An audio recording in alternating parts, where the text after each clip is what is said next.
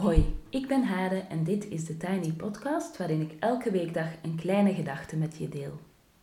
Vandaag is het woensdag 6 mei en de kleine gedachte gaat over reizen met je ogen dicht.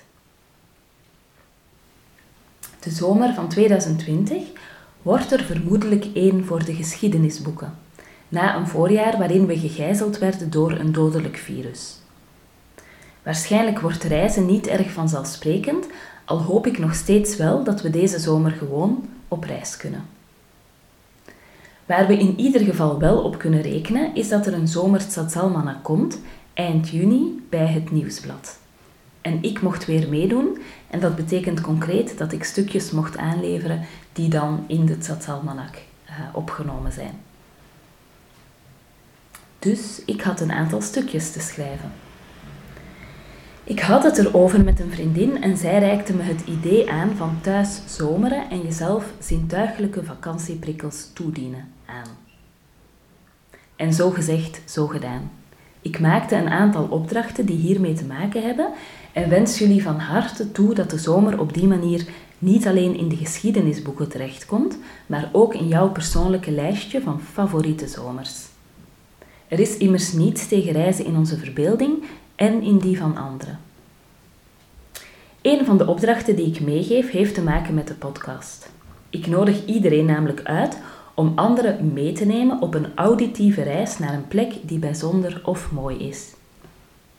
Zo nemen we elkaar mee op reis.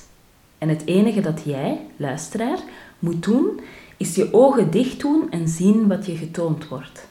En pas later mag je even gaan googlen waar de auditieve gids je mee naartoe nam en kijken of de werkelijke plek lijkt op de plek die je in je verbeelding zag. Als je anderen mee op reis wil nemen, mag je een tekst maken en me die toesturen. Maar een audiobestand mag ook. Toon iets bijzonders of moois alleen maar via je woorden. Het helpt als je in de tekst aandacht besteedt aan de zintuiglijke gewaarwordingen. Wat hoor je op die plek? Wat zie je? Wat voel je? Wat ruik je? Je mag me een audiobestand mailen van maximum 10 minuten of je mag me een tekst van ongeveer 2 A4'tjes doorsturen en minder of meer mag trouwens ook. En dan neem ik jouw auditieve tour deze zomer mee in de Tiny Podcast. Mijn e-mailadres is hade, at, hade sorry, at theartist2online.com en mijn e-mailadres staat ook in de show notes. En vandaag mogen we mee met Daan. Danielle Wempe is een van mijn cursisten en ze woont op een van de meest magische plekjes van Haarlem. Ze heeft echt a room with a view. Ze had een prachtige tekst geschreven over de nieuwe kerk in Haarlem en ik ben zo blij dat ze hem wou inlezen en ons op die manier wou meenemen in de geschiedenis en in haar beleving. Dankjewel Daan. Dus aan alle luisteraars, ogen toe, de rondleiding start.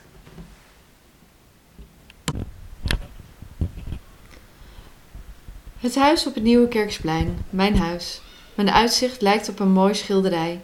De oude huisjes die bij het Proveniershof horen, het eeuwenoude restaurant De Wandelaar, de Nieuwe Kerk, gebouwd op de fundamenten van een oud klooster, Sint Anna. De toren katholiek en het schip protestants gebouwd door de architecten Jacob van Kampen en de Vlaming Lieve de Kei, de reformatie in één kerk. Ze stonden aan het begin van een nieuw tijdperk en moesten het vormgeven. Hoe zouden ze er gelopen hebben op het plein? Wie zou er aan de spreekstoel hebben gestaan? Wat vertelden ze hun mensen? Waren de preken gevuld met angst in de tijd van de zwarte dood? Gingen ze allemaal bidden?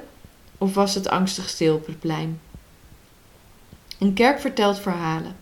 Ze is een toevluchtsoord. Ze heelt, ze breekt en ze biedt troost. Dat is de plek waar ik woon. Als ik goed luister, hoor ik het gefluister rondom het plein. De magie was er voordat de eerste steen van de kerk werd gelegd. Waar dualiteiten samenkomen, daar moest gebouwd worden. Dualiteiten om verder te komen. Een kerk wist dat. Ze heeft het altijd willen uitleggen. Ze wil nog steeds vertellen van liefde en troost, van verloren zonen en barmhartigheid. Nu mijn eerste gevangenschap door een virus gestuurd een feit is, kijk ik wel honderd keer per dag naar de kerk. Het verveelt nooit. Als een warme deken geeft ze comfort, beschermt ze de spelende kinderen op het plein, roept ze met haar klokkengeluid tot samenkomen en begraaft ze mensen die niet verder konden. Het laatste uitlaatrondje met de hond. De volle maan staat aan de hemel en kruipt achter de toren van de kerk. De nieuwe bewoners van de bovenwoning tegenover mij zingen Our House van Cosby, Stills, Nash en Young. De kerk geeft me een knipoog. Ze weten ook wel dat magie niet door iedereen wordt gevoeld. Maar gelukkig wel door mijn nieuwe overburen. Tot zover de Tiny Podcast voor vandaag. Je kan mij volgen op Instagram, TheTinyPodcast.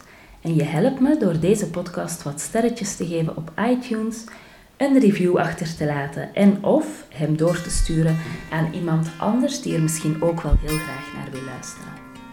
Heel graag tot morgen. Doei!